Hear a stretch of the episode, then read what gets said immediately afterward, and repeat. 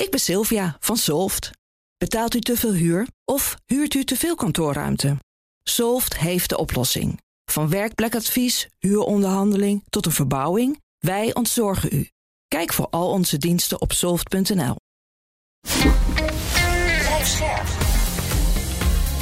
BNR Nieuwsradio. Boekenstein en de Wijk. Hugo Reitsma. Welkom bij Boekenstein en de Wijk. Het is donderdag, dag 596 van de oorlog in Oekraïne. En we hebben ontzettend veel vragen binnengekregen die te maken hebben met alle conflicten van dit moment. We beginnen met uh, Henry Post. Die vraagt: Amerika moet nu aan zowel Oekraïne als het Midden-Oosten aandacht, materieel en dollars gaan spenderen. Maakt dat indirect de weg vrij voor China in zaken Taiwan? Nou, dan heb je meteen alles bij elkaar. ja, nou ja, weet je, ik ben op het ogenblik op een conferentie uh, uh, waar over dit soort zaken wordt gesproken. En ja, in de wandelgangen heb ik uh, de, uh, de, de term Derde Wereldoorlog uh, te vaak gehoord op dit ogenblik. Sommige mensen zeggen van ja, als misschien zegt historici later wel, die is begonnen met de invasie van Rusland in Oekraïne. want wat we dus nu zien is, ja, dit is misschien ook wel het goede moment van Hamas om aan te vallen in, het, in het Midden-Oosten. Want de Amerikaanse aandacht verslapt, dat is denk ik niet zo. Uh, maar als dit verder uit de hand loopt en de Amerikanen moeten enorm gaan investeren ook in de steun aan Israël, ja, dan wordt het per definitie zwakker in, in, in, China en dan, ja. of ten opzichte van China. En dan kun je dus daar ook weer gedoe verwachten. En realiseer, dat is misschien even het allerbelangrijkste, dat als dit soort ontwikkelingen plaatsvinden en er een perceptie is in delen van de wereld, dat je iets kunt doen zonder dat Amerika daarop kan reageren, dan wordt dat minder stabiel. Ik bedoel, we hebben dat natuurlijk ook gezien met Nagorno-Karabakh. Daar hebben we die eerdere opmerking ook over gemaakt van het is geen toeval dat dat nu gebeurt met Azerbeidzjan. Ja, als Amerika zijn aandacht moet verdelen, dan heeft China meer kansen. Dat is natuurlijk gewoon logica. Hè? Ja.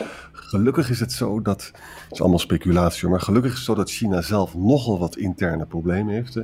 economisch. We hebben heel veel verteld over de verhouding van, de, van Xi met de krijgsmacht. Hè. Dus er zijn ook, China heeft voldoende reden om het nu nog niet te doen. Hè. Maar het is zeker waar dat als een, een hegemoon als Amerika zijn aandacht moet verdelen, is dat China gewoon meer kansen kan krijgen. En dat Ja. het ook in de verleiding kan komen. Ik Ja, hoop dat het is hoe niet. het werkt. Nee. Ja. Nee, maar goed, hoop is geen strategie. Dus Ja. ik hoop het ook niet. Maar ja, dat zegt niet zoveel. Ja, en eh, wa- wanneer het misschien niet direct China en Taiwan is, kunnen het dus ook wel andere gebieden zijn. Hè? Omdat we eerder eh eh, Nagorno-Karabakh hebben gezien, nu Israël. Ik zag ook ergens, maar ik hou het ook niet meer allemaal bij, eh, en der berichten over dat er van alles in Syrië weer gebeurt. Met eh, Turkije, VS, weet ik veel wie elkaar weer bestoken. Dus je hebt natuurlijk heel veel smeulende conflicten Ja. die, die kunnen oplaaien, omdat er niet voldoende eh, krachten zijn die dat bijeenhouden. Ja, dat klopt. Iets weer, eens met de Koerden wil doen, dan is dat nu wel een mooie gelegenheid. Ja. Bijvoorbeeld. Ja. Ja. Ja. Ja. Eh ene Wik vraagt: welk voordeel heeft Rusland bij het oplaaien van het conflict in het Midden-Oosten?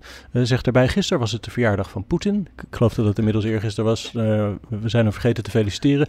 Poetin houdt van symbolische data. Was dit een cadeautje van Hamas voor Poetin?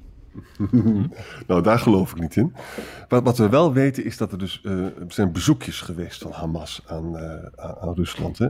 Of dat Ja. eh, hiermee te maken heeft, dat, dat durf ik niet te zeggen. Maar het is wel waar dat dat geregistreerd is. Hè. Nou, wat je zou kunnen zeggen is dat alles wat Amerika zwakker maakt, en dus, dus, dus de verdelende aandacht, de aandacht van Amerika die versnipperd wordt, is natuurlijk gunstig voor Rusland. Eh, ook op ter- termijn zijn de wapenleveranties, hoewel het om andere wapens gaat, is toch een probleem. De burden wordt groter. Hè? En er is nog een derde connectie. Mocht Iran erbij betrokken worden en mocht er tussen Iran en Saoedi-Arabië ook schermutselingen ontstaan, dan gaat de olieprijs stijgen. En dat is heel gunstig voor Poetin zelf, want die Ja. wil graag een beter prijsje maken. Ik denk dat dat een beetje de, de logica is. Wat denk jij, Rob? Ja, ik denk dat je, daar, eh, dat je daar gelijk in, heeft. Kijk, in hebt. Kijk, wat er de afgelopen jaren is gebeurd, is dat de relatie tussen Poetin en eh, Israël behoorlijk is eh, verbeterd. Um, de beide leiders, Netanyahu en Poetin, die hebben elkaar vele malen gebeld. dus dat was op zich wel goed. Maar het vreemde is dat er nu eigenlijk geen echte goede respons is gekomen van Poetin in de richting van, van, ehm, van Israël. Uh, Arjan, dat heb je gisteren ook gezegd. ja, ik zie dat er ook niet heel snel van komen als ik daar zo naar kijk. Dat heeft gewoon te maken met het feit dat Poetin nu een keus moet maken tussen Israël en Iran. En ik denk dat hij voor Iran kiest, omdat hij daar zijn wapens vandaan kan, kan krijgen. Zijn drones kan, vandaan kan krijgen. dus dat speelveld wordt hierdoor compleet veranderd. Ja, ik zag wel een reactie van Poetin. Ik weet niet of het van vandaag ah. of gisteren was. Dat hij zei: Wat je hier ziet is het falen van het Amerikaanse beleid. Ja. Eh, zaken het Midden-Oosten conflict. Ik dacht, nou ja, je kan natuurlijk wel. Dit resoneert natuurlijk ook heel erg in het uh, mondiale zuiden. Waar Poetin graag uh, een beetje een anti-Amerikaans uh, praatje ophangt.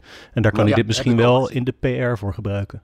Absoluut, dat heb ik ook gezien, die uitspraak. En dat, dat valt ook in de lijn van de verwachting. Maar moet zeggen dat eigenlijk alles de schuld voor, uh, van Amerika is uh, voor ja. Poetin. Dus ik bedoel, uh, ook al rij je door stoplicht, dan is dat nog de schuld van, ja. het, van het Hugo, je zegt iets heel belangrijks. Want we hebben heel vaak gezegd van, ja, wij kijken op een bepaalde manier naar Oekraïne van het Westen, maar er wordt helemaal niet gedeeld door Afrikaanse landen, Mexico, Brazilië, heel vaak. Hetzelfde zie je nu ook bij de perceptie van Hamas. Hè? Afrikaanse landen denken daar anders over dan, uh, dan wij in het Westen. Zeker in Nederland. Ja. ook hier weer zien we dus gewoon de, dat de wereld. Het Westen is in machtsverval. Het is niet meer zo dat het dat er allemaal stevig voor staat. Israël is daar ook zenuwachtig over. Die weet ook dat de publieke opinie zich waarschijnlijk gaat keren als ze erin trekken. Vind ik ontzettend boeiend om dat te zien, hoe dat verandert. Ja. Nou, ik had hier nog een vraag staan van Ene de Haas, maar ja, eigenlijk denk ik dat we die ook al hebben behandeld. Uh, hij vraagt waarom laaien, oorlo waarom laaien oorlogen en tot voorheen stille conflicten weer op? Gaat het vaker zo of is dit toeval? Nee, nou, dat, nee jongens, dat heeft, echt te maken, dat heeft echt te maken met de veranderde krachtsverhoudingen in de wereld. Dit was voorspelbaar. En, en, en we willen dat men niet geloven. We zitten nog steeds onszelf in slaap te sukkelen in dit deel van eh, de wereld. We willen niet geloven dat grote verschuivingen in de machtsverhoudingen in de wereld gewoon leiden tot fricties. En fricties, dat kunnen kleine conflicten zijn, dat kunnen grote conflicten zijn, dat kunnen bij wijze van spreken wereldoorlogen zijn. Alles wat ertussenin zit. Ja. En dus dit is gewoon wat er gebeurt als de wereld gaat eh, veranderen. Daar zitten we nu middenin. En ik hoop in godsnaam, ik bedoel, dat is natuurlijk wel echt de belangrijke boodschap zo langzamerhand. Dat we eens een keer wakker worden. En dat we eens een keer binnen, beginnen te begrijpen dat dit soort fenomenen er gewoon bij horen eh, als de wereldorde aan het veranderen is. Als een land als China opkomt. Als een land als China opkomt, dan pakt een potentaal als Poetin veel meer ruimte in de internationale betrekkingen. Dan voelt hij zich gestimuleerd en gesteund om een oorlog te beginnen in, uh, in, uh, in Oekraïne. Dan zie je dat andere potentaten, uh, bijvoorbeeld die van de leider van Azerbeidzjan, die denkt van, oh, nu kan ik ook een stap naar voren maken en pak Nagorno-Karabakh. Nou goed, we hebben het er allemaal al over gehad, maar dit is wat erbij hoort. En mijn grootste probleem is zo langzamerhand dat wij het er wel over hebben.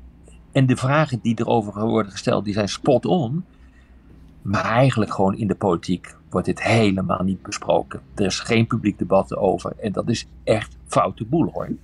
Je zou echt verwachten dat Europese leiders, maar ook de Nederlandse politici zouden zeggen van... Nou, de kans dat Trump terugkomt is toch niet uh, onaardig klein. Hè? Die, is echt, die, die is groot. Nou, dan gaan we nu toch echt plannen maken van hoe kunnen we de Europese defensie op orde krijgen. En dan moeten we ook de kiezers vertellen dat dat geld gaat kosten. Niets van dat al. Niets. Ik ben, in, ik ben momenteel in Engeland voor een, uh, voor een conferentie. Dat gaat hier eigenlijk in belangrijke mate over. Niet over deze specifieke geval, maar dat gaat, er in, dat gaat erover hoe richten we nou onze defensie in. Om krachtiger te staan in dit, in dit spel. Mhm.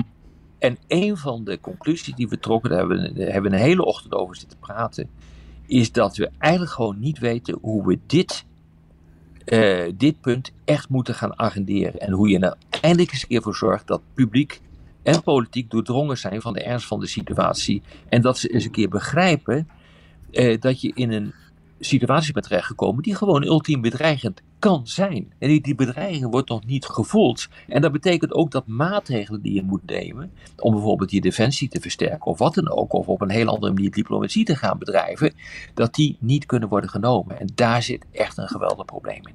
En we hebben daar geen oplossing voor op dit ogenblik. Helemaal eens. Helemaal Nee. eens. Terwijl aan de talkshowtafel zit iedereen alleen maar elkaar de maat te nemen of je genoeg medelijden hebt met de Israëli's of de Palestijnen. Maar hier zou misschien meer de discussie over moeten gaan op het moment. Hier moet de discussie over gaan, Hugo. En ik word er echt moedeloos van zo langzamerhand. Maar goed, we hebben gelukkig boeken zijn in de wijk met jou, Hugo. eh, die eh, zijn hier de voortrekkers in dit eh, debat. Wij blijven waarschuwen. Wij blijven waarschuwen totdat er niet meer gewaarschuwd hoeft te worden. Ja. Nou, dank dan maar weer. Oké, tot morgen. Tot Tot morgen. morgen. Maar hoe kunnen leiders ons dan door al die crisis heen slepen? Dat bespreken we met jullie in de Boekenstein en de Wijk Eindejaarshow. In december in een theater bij u in de buurt. We beginnen op 5 december in Delft. Dan gaan we naar Amstelveen, Rotterdam, Eindhoven, Maastricht en tot slot 22 december in Amersfoort. De Boekenstein en de Wijk Eindejaarshow. Een avond doemdenken voor de hele familie. Kijk voor data en tickets op bnr.nl slash theater. Ik ben Sylvia van Solft. Betaalt u te veel huur of huurt u te veel kantoorruimte? Solft heeft de oplossing. Van werkplekadvies, huuronderhandeling tot een verbouwing, wij ontzorgen u. Kijk voor al onze diensten op soft.nl.